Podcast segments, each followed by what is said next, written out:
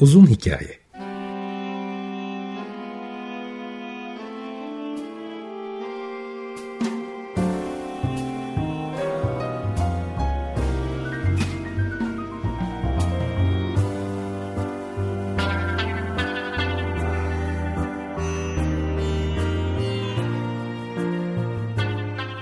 Hazırlayan ve sunan Muzaffer Çorlu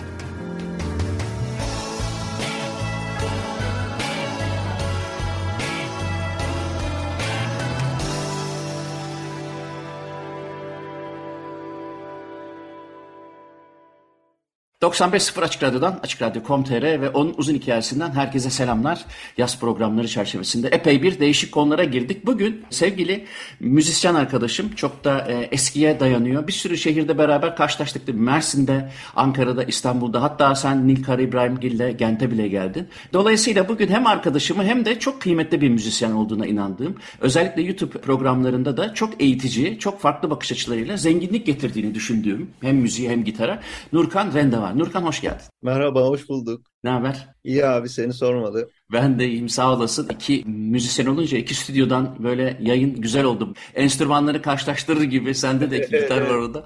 Piyano görüyorum arkada. Şöyle başlayalım. Şimdi e, öncelikle tebrik ederim. Ben senin YouTube'daki kısa ama çok faydalı programlarını izliyorum. Çok beğenerek izliyorum. Çünkü neden beğenerek izliyorum? E, öncelikle tabii senin eğitimin klasik gitar ağırlıklı olsa da elektrik gitarları, bas gitarları çaldığını, e, çeşitli aletleri çaldığını biliyorum. Zaten Türkiye'de de önemli e, müzisyenlere de hem eşlik anlamında hem de solo açısından destek verdiğini, hayatının böyle geçtiğini de biliyorum. Eğer eksik biliyorsam lütfen kusura bakma. Yok, Ama evet. önemli olan şey şu, e, o programlarda eklektik bir bakış açın var. Ben senin evine de kaç kere geldim. Orada da konuşurken bunu gördüm ama e, bugün bu programı dinleyenlerin ya da işte izleyenlerin en azından şahit olmasını istediğim için de çağırdım. Neden hoşuma gittiğini hemen özetleyip sana sorumu sorayım. O da şu, klasik e, eğitimi almış kişilerin genelde elektrik gitar çalanlara ya da işte elektrik akustik gitar çalışanlara karşı ya da tam tersi ön yargılı olabiliyor. Halbuki her iki e, alanın birbirine çok e, yardımcı olabileceği, bambaşka vizyonlar getireceği ortada. Sen bunu yapıyorsun. Yani bir rubato kavramını bile Bohemian Rhapsody'de kullanarak rubato nedir'i Queen'in o muhteşem eseriyle, parçasıyla anlatmaya çalışıyorsun. Bunun motivasyonunu sana sorayım. Hakikaten e, bu çok yapılmıyor. Yani öyle hani ya bu çok basit, çok genel. Herkesin yaptığı bir şey dersen itiraz ederim. Çünkü bu genelde yapılmıyor. Biz mesela klasikçiler orada klasik hücremizde kal- kalabiliyoruz ve de birçok şeyde ıskalayabiliyoruz. Senin bunu yapmadığını düşünüyorum.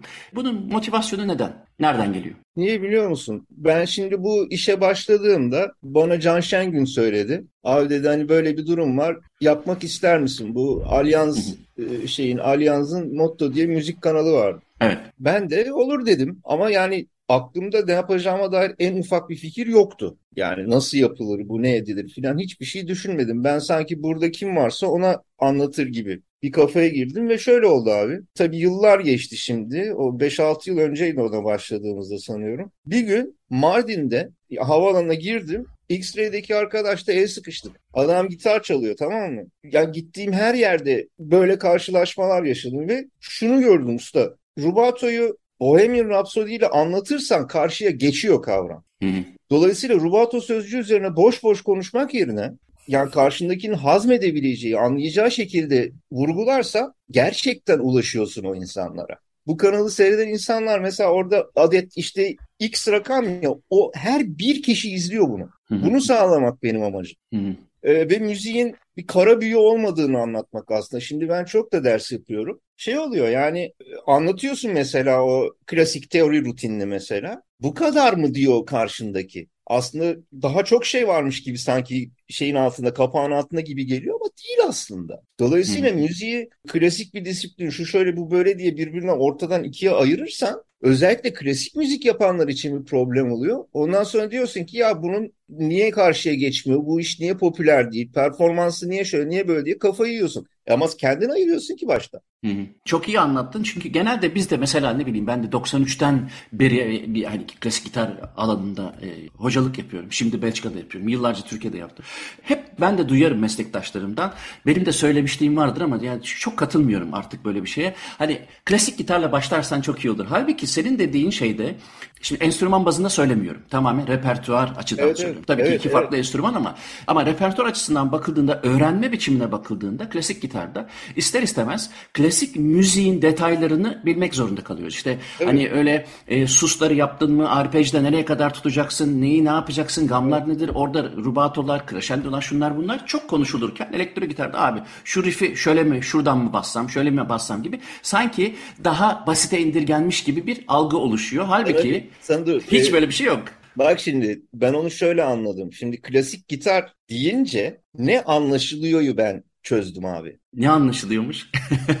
şimdi o, o laf var ya şimdi yani klasikle başla sonra elektroya geçersin. Hmm. Yani bir şimdi biz müzisyen olduğumuz için başka türlü bakıyoruz. İşte klasik hayır usta e, adı o Üstüne naylon tel takılı gitar demek o. Başka hiçbir manası yok. Yani hmm. o insanlar klasikle başla dendiği zaman alıyor eline gitarı X bir yere gidiyor artık. Kim öğretiyorsa buna neyi. Anladın mı? Yine önüne tabletür konuyor. Yine boş tellere sıfır diyor. Anladın mı? Bire bas, üçe bas diyor. Yani klasik gitar o senin dediğin klasik gitar değil genel anlamda. tamam ben de o yüzden diyorum ki hangi gitarla başlarsan başla diyorum. Çünkü günün sonunda bir farkı yok karşı taraf için. Anladın mı? Yani yoksa şey var. Bizim anladığımız manada eğer klasik gitar diyorsan ben şey diyorum. Klasik gitarla başla başka gitara geçmezsin diyorum. Hı hı. Aslında anlatabildim mi? Yani o bir bir aşama edinmek için ne bileyim kullanacağın bir tornavida aygıt falan değil ki klasik gitar. Hı hı. Benim baktığım yerden bakarsan klasik gitarist olarak başka gitara niye geçeceksin? Otur klasik çalış ne güzel.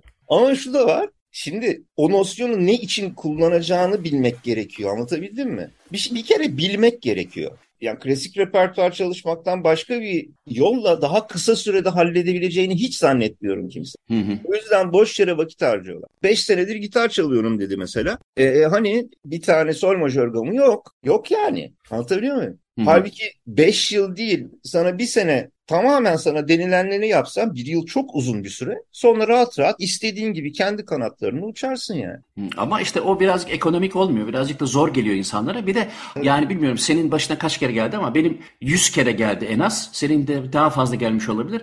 Ee, ilk dersten Asturias'ı ne zaman çalarım hocam? Bizde klasik sorudur yani bu soruyu evet. sormadan gidere başlanılmaz. o yüzden hedef çok acayip bir yerdedir. Dolayısıyla öyle bir şey olduğu için de yani elektrik gitarda sanki kolaylıklar varmış gibi. Ama sen çok güzel orayı açtın. Şimdi şöyle devam edelim istiyorum. Hani senin YouTube e, programlarını, e, videolarını seyrediyorum da beğeniyorum demiştim ya. Aslında başında söylediğim mesajı çok takdir ettim. Evet bir mesajın A kişisinden çıkıp B kişisine gitmek için sen bir mesaj yayınlıyorsun. Onun decoder'ının olması lazım. Yani senin evet. ne dediğini anlayabilmesi için Rubato'yu satmak istiyorsan yanına Bohemian Rhapsody'yi koyarsan yani o daha iyi orada dekode ediliyor. Dolayısıyla da adam seni dinlemeye başlıyor dediğin için söylüyorum bunu. Evet. Aynı şekilde e, oradan da yola çıkarak tam tersini de yapıyorsun. Mesela ben şeyi çok beğendim. Senin Dionisio Aguado'nun şu meşhur La minör evet. Arpeji anlatışını. Aynı şekilde Carcassi'yi anlatışını da çok beğendim. Niye? Çünkü orada rica ederim bunun bir hizmet olduğunu düşünüyorum ve bir yani bu şey 40 yıl neredeyse vermiş birisi olarak bütün klasik gitaristlerine de teşekkür ederim. Çünkü oradaki detaylar sen de bilirsin ki hani master class'lar yapıldığı zaman böyle çok duayen gitaristlerle insan hani çaldığı zaman o eserle ilgili öyle bilgiler söylerler ki aslında evet. senin genel vizyonunu, klasik gitar çalışını etkilemeye çalışır. Oturup da şurada la'yı yanlış basmışsın, şurayı şöyle yapmışsın, duate yanlış gibi notalara girmezler de öyle detaylara giderler ki senin için bir hayat dersi olur. Sen Karkasi'yi mesela Aguado'yu da öyle yapmışsın. O yüzden de çok hoşuma gitti. Çünkü hani o son notayı e, uzatacağız mı uzatmayacağız mı? Onu kontrol evet. edeceğiz mi etmeyeceğiz mi? Öyle bir konsön ki klasik gitarda. Evet. Çünkü bir kere hele boş telleri kontrol eden e, insan sayısı çok az. Türkiye'de çok da konuşulmaz da bu. Halbuki rezone olan bir ton iş var orada. E sen evet. bir müzik yapıyorsun. Onları ne yapacağız? Onları nasıl durduracağız? O yüzden onun detayı çok hoşuma gitti. Onu hakikaten sürdürmeyi düşünüyor musun? Çünkü hemen hemen sadece karkası değil Leo Braver'den ne bileyim Costa'ya kadar biliyorsun işte bütün o etütlerde aslında neyi yaptığımız kadar neyi yapmamamız gerektiği de çok önemli. Bunu sürdürmeyi düşünüyor musun? Hani gaz vereyim, sürdür. Çok iyi bir iş. Evet. Sürdüreceğim şöyle. Ona şey diyorum. Şimdi YouTube'da insanlar hep şeyin peşine koşuyorlar abi. 8 ölçülük ekstremler tamam mı? Hı hı. Ekstrem bir hızlı bir pasaj, ekstrem bir şey herhangi. Ama feasible değil bir, faydasız iki. Hiçbir yere varmıyor hiçbir şeyini geliştirmiyor. Halbuki benim Karkasi'de söylediğim şeyi şakon çalarken de kullanacaksın. Mecbursun yani. Anlatabiliyor muyum? Dolayısıyla sürdüreceğim elbette. Ben ona çalınabilir parçalar adı koyacağım o playliste. Hmm. Çalınabilir parçalar. Yani İstanbul'a geldiğimde ben de birkaç tane çalayım. Çok çok hoş bir e, dizi olur aslında. Bütün Ulan- buradan gitaristlere söyleyelim. Evet, Katkıda bulunan herkes bulunsun. buradan duyurayım. Ekstrem değil. Öyle illa hani sofistike bir tekniği konuşmak için illa çok zor bir parçaya gerek yok ki. Bunu düşünüyorum. Ondan sonra amacım da şey hakikaten o izleyen kişi eline gitarı alıp denemesini istiyorum. Hı hı. Onun için sürdüreceğim. Hı hı. Zaten denemeye kalktığı anda bir anda sen çok korkulacak bir şey yapmış olacaksın. Çünkü adam diyecek ki ne oluyorum ya? O kadar zor bir şeyden bahsediyorsun ki aslında sesi kontrol etmek. Hani bazı piyanistlerde görüyorum ben o hani pedalı rastgele kullanım ya da doğru yerde kullanmama bir kaotik e, akustik ortam yaratıyor ve bu Evet. e, klasik gitar gibi, harp gibi hatta hani konser seyredenler bilir özellikle hangi janrda olduğu da önemli değil. Timpani bile çalsa vurduğu anda rezonansı kapatmak için o kadar doğru bir noktada o şeyi durdurmak zorunda ki. Halbuki durdurmasa ne olur diye e, düşünebilecek çok kişi var. Halbuki değil. Sesin Tabii. kontrolü önemli. Atıyorum e, elektrik gitar çalıyorsan gitarı susturmak için daha fazla çaba sarf ediyorsun E, ses çıkartmaktan. Çünkü Hı. alet susmuyor ki. Bir de amplifiye edilmiş durumda yani ortalık yıkılıyor. Dolayısıyla işte dediğin gibi nosyon aslında o. Spesifik bir şey nasıl yapılacağı değil ki senin bütün çalışma rutinine yansıyacak bir hadise yani. O yüzden Hı. anlatmaya çalışıyorum ama işte en önemlisi ya işte bu çocuklar neyi sever, neyi dinler filan o bir. İki bazen de umurumda olmuyor. Varsın az seyredilsin ama ben derdimi karşıya geçirmiş olabileyim. Umuyorum geçiyordur ama ben öyle hissettim. Ayrıca samimi iş yaptığını görüyorum. Çünkü hani bazen şey diyorsun sonunda hay Allah bu sefer ilk çalıştı oldu falan. Belli ki bazen 10 kere deniyorsun. Yani onun da aslında gitaristler arasında özellikle çok yaygın olan hata yapmama gibi bir enteresan saplantı var. Hepimizde oldu. Bende de oldu. Şimdi hani aşmış öyle- gibi davranmayayım ama aynı şekilde bende de oldu. Onu da bir kenara atıyorsun. Onu da önemsemez hale getiriyorsun. O da o açıdan da çok önemli olduğunu düşünüyorum. Abi öyle bir şey yok. Öyle bir dünya yok yani. E yok da öyle sanıyoruz ama yani belli yaşlarda. İşte yani yani öyle sanmasınlar. O öyle değil o iş ya. Ya ama benim hayatımdaki bahtsızlıklardan bir tanesini sana söyleyeyim. E, Manuel Bayroco'nun konserine gitmiştim. Ha, o oluyor. ayrı. 80'lerde falan. o ayrı ya, e, hakikaten hata yapma. Yani daha doğrusu hata yapma derken bizim o zaman hata diyebileceğimiz şeyleri e, yapmadı. Halbuki şimdi şimdiki kafama göre adam büyük hata yaptı. Çünkü hatasız çaldı. Evet abi. ya çok var o John Williams'ın bir Daniel Barenboim'la bir konserleri var. Açık havada Aranjuez çalıyor herif. Hmm. Aman yarabbim yani bu kadar olmaz ya bu kadar da çok acayip yani alınmış sinirleri falan insan değil adam. Evet. Sonra Hubert Capel'in o Mi minör Hmm. partide çaldığı kayıt. Hı hı. Ya çünkü bir de kaydı ben can kulağıyla dinliyorum. Faça verir. Evet. Hayır çalıyor adam yani. Acayip yani. Tabii o bir seviye ama Çok kesip biçmesine rağmen güzel olanlar var. Tilman Hopstock mesela bir, bir phrasede 3000'e yakın öyle bir Ya yaparsın yapan ya. var ya. yani o e, amaçlarımdan biri değil yani onu söyleyeyim. Yok yok onu veriyorsun yani onu söylemeye çalışıyorum. O da o da çok hoş çünkü özellikle klasik gitarda bilmiyorum. Sen de biz hiç jüride oturduk mu? Sanki Malatya'da Evet. var mıydı? Yani ben jürilerde hep şey hissetmişimdir böyle. Yani e, ne güzel müzik yapan var ya da acayip çalışılmış fakat e, diğer enstrümanlarda da var mı bilmiyorum ama kendi enstrümanım için konuşacağım. Evet abi bizde hata yapmamak çok büyük bir yer oluşturuyor zihinde. O şeyden başlıyor. Ya eğitiminden başlıyor. Sen çocuğa 6 ayda bana bahsuit çal dersen hata yapar, dağıtır ortalama. Bir bölümünü istersen 6 ayda o zaman yapmaz. Hı hı. Öyle başlar konu ya. Sen herifi paniğe kap şey yapıyorsun, sevk ediyorsun. Jürinin karşısında çırpınıyor. Her sınav kabusa dönüyor. Ondan sonra al sana travma yani değil mi? Travmasız gitarist olmaz yani. Abi şimdi şöyle yapalım. Bir müzik arası verelim. Sonra devam ederiz. Pat Metheny'i dinledik. Bugün gitarist müzisyen Nurkan Rende var. Nurkan şimdi ilk bölümde senin YouTube'da yaptığın aslında hani ders niteliği taşıyan e, programlarından bahsettik. Dilersen şimdi bir de son zamanlarda sanıyorum e, Hakan'la yaptın değil mi? Hakan Şensoy'la birlikte Cevahir Evet. Konser salonundaydı. Bir Anadolu Rock Bukelem'in projesi diye mi söylemiştin sen? Evet, Yanlış Hakan- olmasın. Hakan koydu adını. Hakan'a da selam buradan. Tabii merhaba Hakan. O şöyle oldu. Çağ Erçay ile onlar konuşuyorlar. Ya şey oldu herhalde. Ne çalalım ne çalalım deyince Piazzolla lafı Hmm. geçmiş. Hani Piazzolla muhteşem besteci. Ama klasik müzisyenlerin hep böyle bir hani Beethoven çalmayayım ne çalayım Piazzolla çalayım o zaman filan anladın mı abi? Onu yapmayalım diyorlar ve böyle bir hale evriliyor. Ben ilk Namus Belası'nı düzenledim burada. Ondan sonra böyle baba Anadolu rock parçalarını seçip düzenleyip bir trafik yazıyorum. İşte akorların şusunu busunu. Ondan sonra e, Hakan onu orkestraya, oda orkestrasına düzenliyor. E, iki solist Çağ ve ben, Hakan bir rock grubu, davul, bas, klavye. Hı hı. Ve oda orkestrasıyla çalıyoruz. Çok keyifli oldu. Bugüne kadar 17-18 konser yaptık irili ufaklı. Çok güzel konserler oldu. Çok iyi e, reaksiyon alıyoruz insanlardan. Onda tabii şey sıkıntısı yaşıyoruz. Yani ben istiyorum ki şu ülke sınırını bir 5-10 adım geçse mesela. Hani Avrupa'da filan bir yerde çalabilsek bunu çok istiyorum. İşte Orkestra ile birlikte mi yani tüm paket olarak mı? Yo yani orkestra her yerde var. Ha şey olarak diyorsun yani eseri. Ben evet, sana bir şey söyleyeyim mi? Gent'te çok rahatlıkla yapılabilir bu. Çünkü burada dünya müziklerini, yani Türkiye'den çok kişi geliyor. Zaten sen de geldi Gent'te biliyorsun. Tabii biliyorum. Ee, Gent'te yapılabilir bak aklında olsun. Onu programdan tabii, tabii. sonra konuşuruz. Yani ben bunu istiyorum o proje için. Bir de kaydetmemiz lazım. Onun için de işte fikir üretmeye çalışıyoruz filan nasıl yapılabilir, teknolojisi ne olur filan falan öyle teknik şeyleri var. Hı hı. Güzel bir iş yani daha iyi duyurulması gerekiyor sanki. Çünkü bazı şeyde kitleniyorsun Muzaffer yani şey oluyor. Ben ben mi yapacağım her şeyi nasıl yapılır bilmiyorum Hı-hı. ki geliyorum yani. Hı-hı. Düşün o kadar bu işin içinde olmama rağmen. O aşamada yani şimdi bekliyoruz işte. Şu şeyi de konuşalım. Yıllar önce sanıyorum Cem Yılmaz mı esprisini yapmıştı. Anadolu Rock tanımını vermişti. Hatta bilmiyorum rastladım. Ben ona çok gülmüştüm zamanında. Şimdi Anadolu rock dediğin zaman bir bunu yapan birisi olarak yani komedyenden değil de bir müzisyenden neden rock'ı e, Anadoluze ediyoruz? Ediyor musun ya da sen bilmiyorum. Ben olsam o ismi koymazdım ama o şey ya bir jenerik bir tabir o. Hı.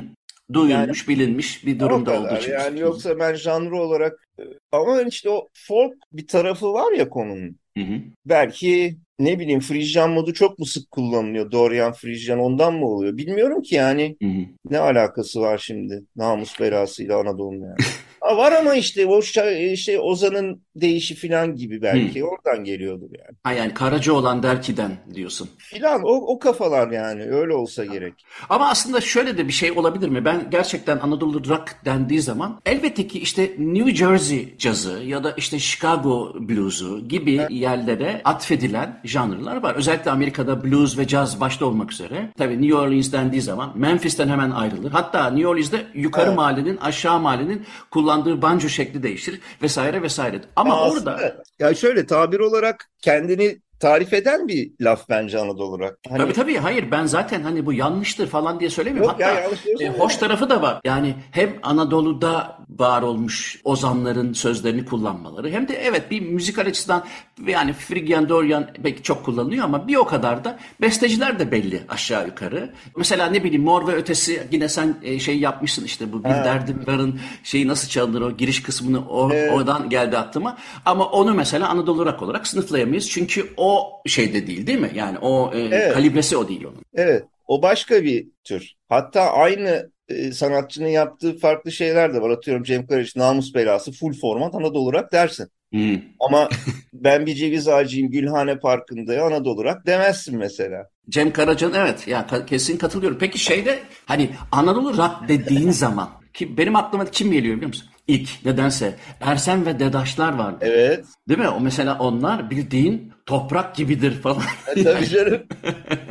onlar direkt. Bahsettiği mevzudan yola çıkarak o zaman oluyor işte demek ki. Evet evet. Yani Ama çünkü rock and roll müziğinin dertlerinden yani sözlerden bahsediyorum. Müziğin, evet. jan, orkestrasyonundan, gitarın kullanılışından, power chordlardan bahsetmiyorum ama evet. sözlere baktığın zaman Anadolu rock çok kendine has. Alakası yok rock and roll'daki dertlerle. Evet evet. Çok daha yani o yöreye göre ayakları yere basan. Çok evet. enteresan. Peki şey iyi dönüşler aldığını söyledin Yok. konserlerin. E, devam edecek mi? Yani var mı projeler? Türkiye'de en azından. Ya yapmaya çalışıyoruz işte. İstanbul dışına çıktı mı mesela? Çıktı çıktı. Antalya Piyano Festivali'nde çaldık mesela. Hmm. Gürel Bey davet etmişti. Oldu birkaç tane. Şey oluyor ya işte orkestralar repertuarı bir yıl önceden şey yapıyor ya. Tasarlıyor. Programlıyor tabii tabii. Programlıyor. Dolayısıyla böyle mesela Hakan arıyor. Abi konser var filan diyor heyecan içerisinde. Ne zaman diyorum işte bir buçuk yıl sonra bir tarih arıyor.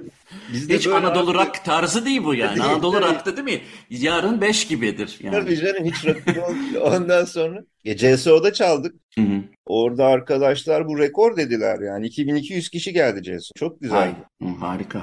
Peki şimdi bir başka konuya geçeyim. Onu da merak ediyorum. Şimdi sen tabii her iki tarzı da yani klasik gitardan elektrik gitarı da e, tanıyan birisi olarak cidden şunu merak ediyorum. Şimdi Türkiye'de ve hemen hemen Avrupa'da da bir sürü yerde öyle. Sadece Türkiye'de e, sınırlayamayabilirim bunu ama bu işin diğer enstrümanlara göre dağıldığını yani oboa eğitimi alan klasik oboa mı yok efendim rock oboası mı Anadolu rock mı diye bir derdi olmaz. Piyanistin de öyle bir derdi olmaz. Tabii. Bir zamanlar piyanist şantörlük gibi garip bir e, şey konsa da ama gitarda böyle bir şey var. Dolayısıyla bu işin e, eğitimi diğer enstrümanlara göre son derece büyük önem kazanıyor ki e, böyle büyük bir dünyaya giren bir müzisyen adayı bu kadar farklı çeşit gitar ve janrın olduğu yerde yola doğru başlamak zorunda. Bu bağlamda sen ders de verdiğin için söylüyorum. Bunu beraber de tartışabiliriz. Türkiye'de gitar eğitimi karşılaştırılabilir olup olmadığını önemsemiyorum. Senin fikrini merak ediyorum.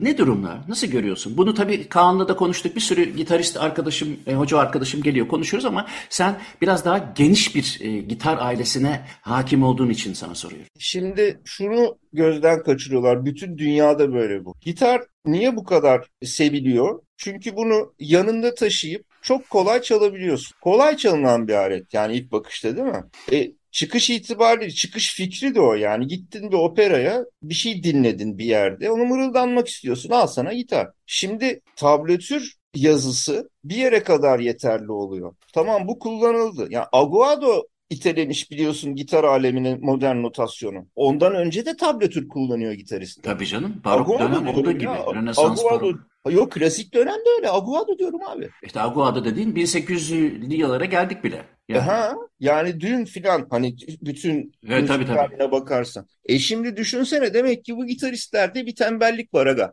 Bu bir.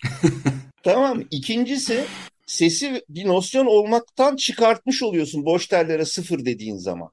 Bir sözünü balla keseyim. Tembellik şeyine itiraz etmek için demiyorum. O olabilir. Bir de enstrümanın kendisi tablatür sistemine çok uygun. Yani sonuçta 6 tane çizgi çizdiğin zaman her birisi bir teli temsil edebiliyor. Dolayısıyla böyle bir pratikliği var. Onu piyanoda nasıl yapacaksın? 88 tane çizgi çizmen lazım. Kaldı ki o zaman zaten pratikliği gidiyor. O denenmiş. Yani ork tablatürü var. Hı-hı. Çünkü nota yok baba. Yani ne yapsın adam? Hı. Şimdi pratikliği bir kenara koy. O, o şeyden hepimiz faydalanıyoruz yani. O kim uğraşır şimdi? Atıyorum Otel California çalacaksın. Si minör diyor 7'ye kapo taktı. Ama mi minörmüş gibi basıyorsun. Şimdi ben o akor artık si minör diye düşünmüyorum ki. Mi minörden yapıştır gitsin kapoyu takmışım zaten 7'ye.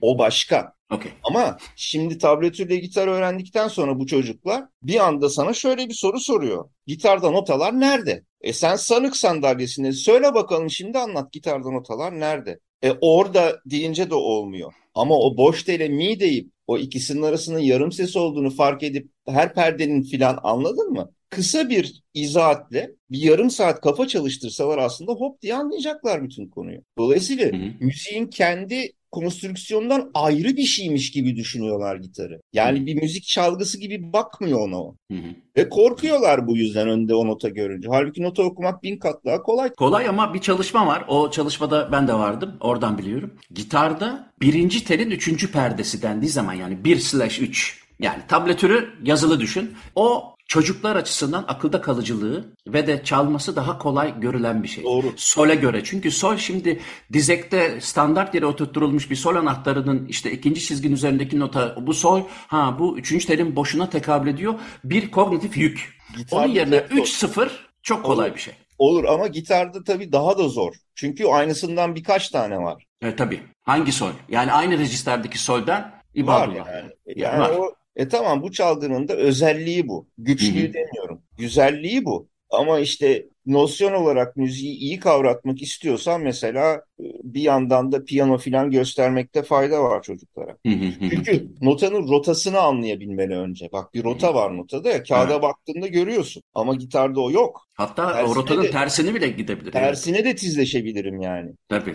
Aslında bu çok önemli bir nokta. Basic bir düzeyde sen onu piyanoda bir çocuğun eğer birkaç yıl bile olsa, haftada evet. bir saat bile olsa gitara adapte edeceği, e, transfer edeceği çok bilgi var. O eğitim açısından o zaman sen de e, başta piyanoyla birazcık haşır neşir olmadın yararını görüyor musun? Tabii ben öyle yaptım ya ben kendimi Hı. daha bilmeden annem beni götürüyordu rahmetli Kemal Eroğlu'nun dershanesine Ankara'da. Tabii o zaman bilinçaltı bir durum oluyor. Sen farkında değilsin ki sana gösterilen şey, şeyin ne olduğunu ama piyano muhteşem faydalı. Müzik olgusunu anlamak için diyorum. Bak ben ders verirken de şey yapıyorum. Yani ben müzik öğretiyorum abi. Sana spesifik bir mekanik hareketi yapmayı öğretmek istemiyorum ben. Onu kendin yap. Anlatabiliyor muyum? İster Bach çal, ister Deep Purple çal, ne çalarsan çal. Ama o kor haberleşmeyi öğren yani en azından. Bunu anlatmaya çalışıyorum. Peki hakikaten şey e, ister Bach çal ister Deep Purple çal dedin ama sen hakikaten egzersiz olarak mesela o tarz müziklerin e, gitar partilerini veriyor musun? Bence katılıyorum yani yanlış anlama sakın. Aynen katılıyorum.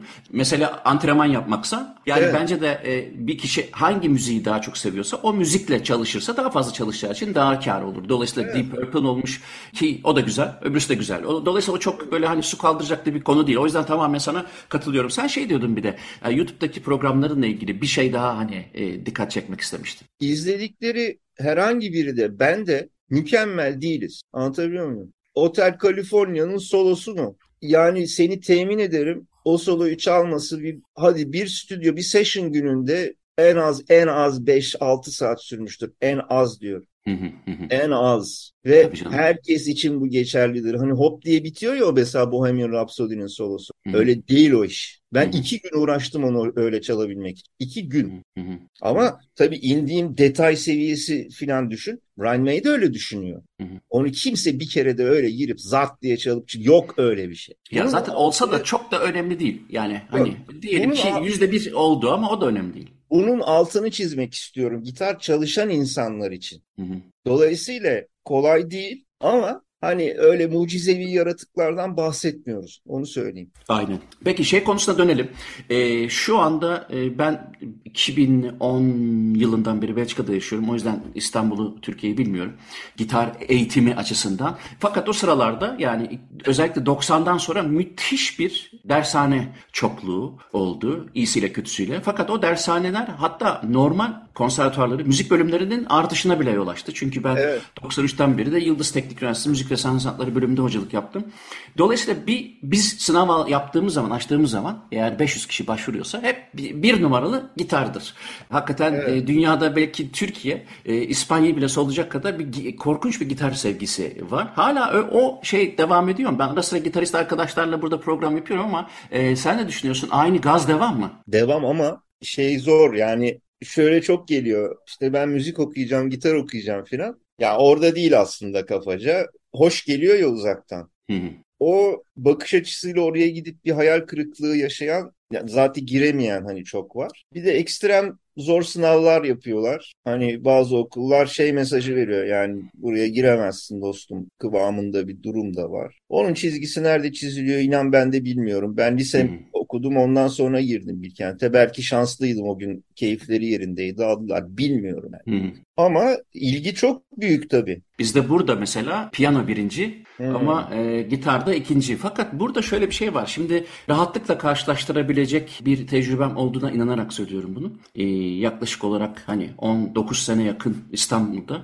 e, 11 senedir de burada. Çok rahat söyleyebilirim bunu. Buradaki arkadaşlara da söylüyorum. Türkiye'de klasik gitara karşı bir adanmışlık var bizim bütün öğrencilerde.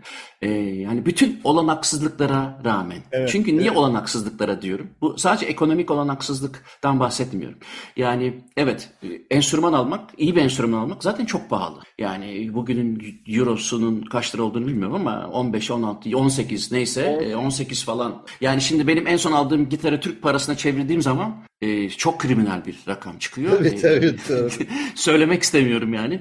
Evet. Ev alırsın Ama o buradaki koşullar için öyle çok büyük para değil. Sadece evet pahalı ama hani e, öğrenci ya mümkün evet öyle diyelim. Aynı şekilde e, teller de şimdi e, aynı şey. Yani dolayısıyla bir ekonomik tarafı var ama bir de şey, şey şu güzelliği var. Türkiye'de çok çok iyi gitar hocaları var. Bunu ben buraya geldiğimde anladım. Çok enteresandır.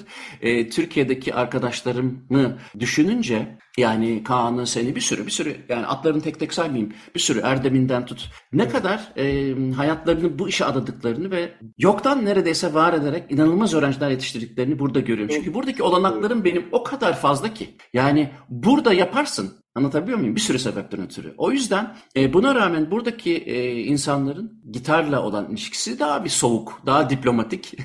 e, güzel tarafı da var tabii ama hani Türkiye'de ben çok net söylüyorum bir adanmışlık var yani. Bu uzun yılların tecrübesi Türkiye'yi bu konuda ben bir numara seçiyorum dünyada. Türk Doğru, gençliği. hak- doğru söylüyorsun dur herhalde ben çünkü orayı bilmiyorum. Bir de şeyi çok duyuyorum. Şimdi evet buradaki öğrenciler hani gitar öğrencileri hani bir göz karartmayla birlikte böyle atlıyorlar konunun içine ve hakikaten ekstremleri zorluyorlar işte Özberk'in yaptığı geçenlerde değil mi? Hı hı. Ondan sonra fakat benim burada duyduğum büyük çoğunlukla yani 17-18 yaş arasında abi meslek. Hı.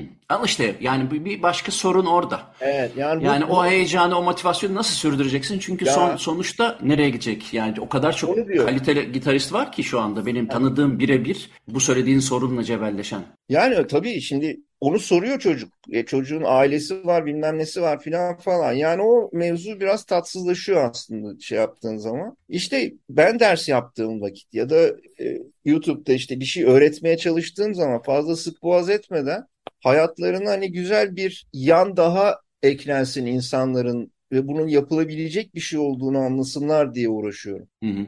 Fakat bir şey söyleyeyim sana? Ee, Burada çok net bir ayrım daha var. Ee, Buradan kastım Belçika, Hollanda, Almanya, e, özellikle Belçika'da yaşadığım için burayı çok net söyleyebilirim. Hobi olarak çok önemli bir alet. Ve bu Evet. bence Türkiye'de atlanan bir şey. Yani bir enstrümanı hobi olarak çalmak sanki biraz daha az, daha çok Yok. buradan gidebilir miyim, buradan nereye yükselebilirim gibi şeyler var gibi. Yanılıyorsam lütfen söyle. Hobi olarak çok az değil tam tersi yani herkesin Sırtında gitar var tabii bütün Türkiye böyle. Ya dedim ya sana en başta. Yanılıyorum o zaman. Ya Hı. bayağı Mardin'de adamla ben el sıkıştım hocamla Hı. izliyorum Hı. ben diye. Hı. Niye? Çünkü İstanbul'a uzak. Ben bir de şey bir adam değilim ki. Şimdi bu demirlerle, Nil'le filan ben ülkeyi çok gezdim. Hı hı. Birebir müzik yaptığımız için hani daha da o meseleyle alakalı yerlere girip çıktık. Yani hiçbir yerde o ilgi azalmadı, azalmıyor ve bence azalmayacak Muzaffer. Çok acayip yani. Hı hı hı hı. E, bu çok güzel haber. Çünkü Öyle, yani mü- enstrümana değmiş insanlar genelde çok tuhaf yerlere gitmiyor zihinsel olarak. Evet, yani evet. e, o yüzden de umarım herkes, herkes mutlaka yani her canlı bir gün mutlaka bir şey çalacaktır diye o sözü değiştirdim. Doğru. Sen dedin ki Pat Metheny güzel gider bir de Chick Corea. Ne dinleyelim Chick Evet. Corea'dan? Korea Touchstone. Touchstone sonra devam ediyoruz. Touchstone, Chick Corea'dan dinledik. Nurkan Renda ile birlikteyiz. Nurkan'la hem YouTube programını hem de gitar muhabbeti yapıyoruz ama şunu tabii e, o kadar hem klasik gitarda hem elektrik gitarda alıp YouTube'da onu anlatıyorsun, bunu anlatıyorsun, onu eviriyorsun, bunu çeviriyorsun. Sana şu soruyu sormadan geçemem. Sen şimdi bana en böyle beğendiğin gitaristleri söylesen ama nedenleriyle. Ben bir şey söyleyeyim sana, sana bir şey olsun. Benim en beğendiğim gitaristlerden bir tanesi ilk daha gitara başladığımdan bu yanadır öyle. E, klasik gitardan bahsetmiyorum. Bilmiyorum tanır mısın? Tuck Enders. Tuck and Petty'deki Tuck. Mesela Evet. ben o, o herifi çok severdim. Yani şimdi ya geçen gün hatta tekrar dinledim. Mesela benim klasik gitar dışında beğendiğim, stil olarak beğendiğim, hadi o da caz gitarist diyebiliriz ta- tahmin ediyorum. Tuck Enders'ta. Ee, o var mesela. Sende kimler var? Her janrdan birisi mesela ama neden? Mesela neden elektro gitarda, cazda, bluesda, klasikte kimleri beğeniyorsun? Benim bir numaram Pat Metheny abi. Yani her dinlediğimde beni komaya sokmayı başaran mucit. Hı -hı. Canlı dinledin herhalde değil mi? Dinledim iki kere dinledim. Hı. Muhteşemdi. Yani müzisyenin ötesi o mucit sürekli koşullarını zorlayan bir gitarist. Bir de ben şeyi çok severim. İzlediğin zaman böyle hani çok akıcı. Sanki hiçbir şey yapmıyormuş edasıyla bir fakat muhteşem bir tekniği de olan çok ileri boyutta Çok bir rafine müzisyen. evet. Çok rafine Çok gerçekten. ileri boyutta müzisyen. Pat Metheny'yi çok seviyorum. Rock gitaristi dersen Steve Lukather benim ilk Hı hı. aklıma gelen kişi olacak. O da baştan aşağı çok sıkı müzisyen. Hmm. Muhteşem bir teknik. Onun özelliği de çok tecrübeli olmasıdır. Yani stüdyo müzisyeni bu. Mesela kartonetlere bak diyelim işte 79 Quincy Jones Dude albümünde o çalıyor. Hmm. İşte efendim aç bilmem kimin bir bakıyorsun hani çok aa güzel Stevie Nicks'in bilmem ne partisi solo bir bakıyorsun Look at Her çıkıyor. Hmm. Ondan sonra işte Michael Jackson'ın Thriller abi baştan aşağı Toto neredeyse. Ondan ha. sonra ve o tecrübeyi çok güzel böyle yıllandırmış şarap gibi ve hakikaten yani o detaycılığı, sound'u, o tecrübeyi de dinliyorsun yani e, abi dinlediğin zaman onu, onu çok beğenirim Steel Catter'ı. Ondan sonra Gary Moore hastasıyım yani rahmetli. O da mesela muhteşem. Bir de e, hep şey bu isimler bak. Hani yani bir janrada bir kalıpta kalıp da böyle hani sürekli cepten yiyen adamlar değiller. Hı hı. Yani hep bir ileri doğru gidiş bir inovasyon söz konusu. Hem müziklerinde hem çalışlarında. O hmm. açıdan beni çok etkiliyorlar. Hmm. Klasikte var mı tercihin? Klasiklerde zor soru yani zor klasiklerde hepsini çok sevdiğim için kayıt olarak dersem o bahsettiğim Hubert Kapel'in Bach kaydını hakikaten unutamıyorum. Hmm. Ama yani, çok eski değil mi ya o yani? Evet, yani bir nota başlasın ben sonuna kadar hmm. dinlerim onu yani bırakamıyorum o kaydı. Hubert Kapel'in şeyini bilirsin kitabını e, İncil'i. İsmi de şey The Bible of Guitar. Evet. E, ama hakikaten baktın mı hiç yani? E, Baktım. Baktım çok inceledim. detay, çok detay. Çok evet. e, detay. İşte kendi projeksiyonunu yapmış. Onun o kaydın edisyonu öyle olduğunu anlıyorsun. Tabii o yani. kenlerleri falan yazmış tek tek ve hakikaten öyle yaparsan öyle oluyor. Yani çok güzel. Biraz zaman alıyor ama olur. E yani yaparsan olur. Ha tabii canım bizim meslekte şey yani çalınamayacak parça yok yeter ki çalış yani. Kayıt teknolojilerinden yararlanılarak e, artık çok ciddi sesle oynanıyor sonuçta. Evet. Nereye kadar senin için e, okey o iş? Ya sen çünkü kayıtlara giriyorsun. Ben kendi CD'mde de mesela e, o katlar var tabii elbette ki. Ya ee, tabii ki var canım. Yani şöyle müzikal bir fikri bir paket olarak karşısındaki adama ben bunu böyle yaptım, benim icram böyle diye sunuyorsan sen orada ne yaparsan yap abi. Bütünlüklü bir fikir çıktıktan sonra önemli ki. Kim nereden bilecek?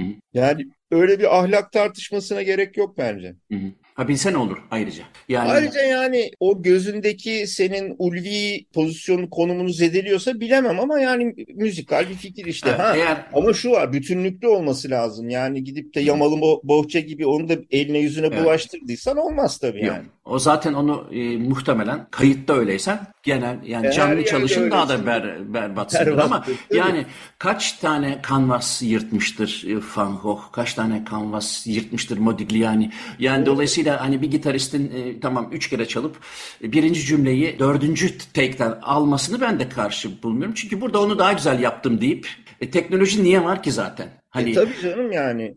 Yoksa ne manası var? Yok yok evet. Burada benim için de anahtar kelime kesinlikle bütüncül olması. Yani e, bazen ama çok kötü katlar hiç rastladın mı ben? E, tabii canım o bel paça vermeyeceksin. Nurkan, faça vermeyeceksin. Senin bitiş cümlen olsun bugünkü programda. Katıldığın için çok teşekkür ederim. Hakikaten ben özellikle dedim ya hani seni YouTube'da tekrar görünce hem ne kadar özlediğimi fark ettim hem de dedim ki bunları biraz açalım. Çok gitarla ilgilenen insan var. Senin kanalını mutlaka görmüşlerdir ama görmemişler için de buradan da bir hatırlatmış olalım. Çünkü güzel, hoş, çok öğretici şeyler var. Ayrıca e, önemli bir emek var orada. Yani 5 dakikalık bir videonun arkası çok çok uzun ben çok iyi biliyorum. Evet. O yüzden ellerine sağlık umarım. Başka bir platformda yine görüşürüz ama zaten e, ben geleceğim İstanbul'a. İstanbul'da görüşürüz zaten. Evet bir de yine Gent'e kalmasın buluşmamız. Ben davetin içinde çok teşekkür ediyorum abi sağ ol. Tamam ne demek rica ederim. Bugün Nurkan Renda ile görüştük. Önümüzdeki hafta yeni bir programda birlikte olacağız. Bana ulaşmak için Muzaffer Corlu Gmail adresine yazabilirsiniz. Program Açık Radyo tarafından Spotify'a konacak. Ben de görüntülü olarak YouTube kanalıma koyacağım. Haftaya görüşürüz. Hepinize günaydın.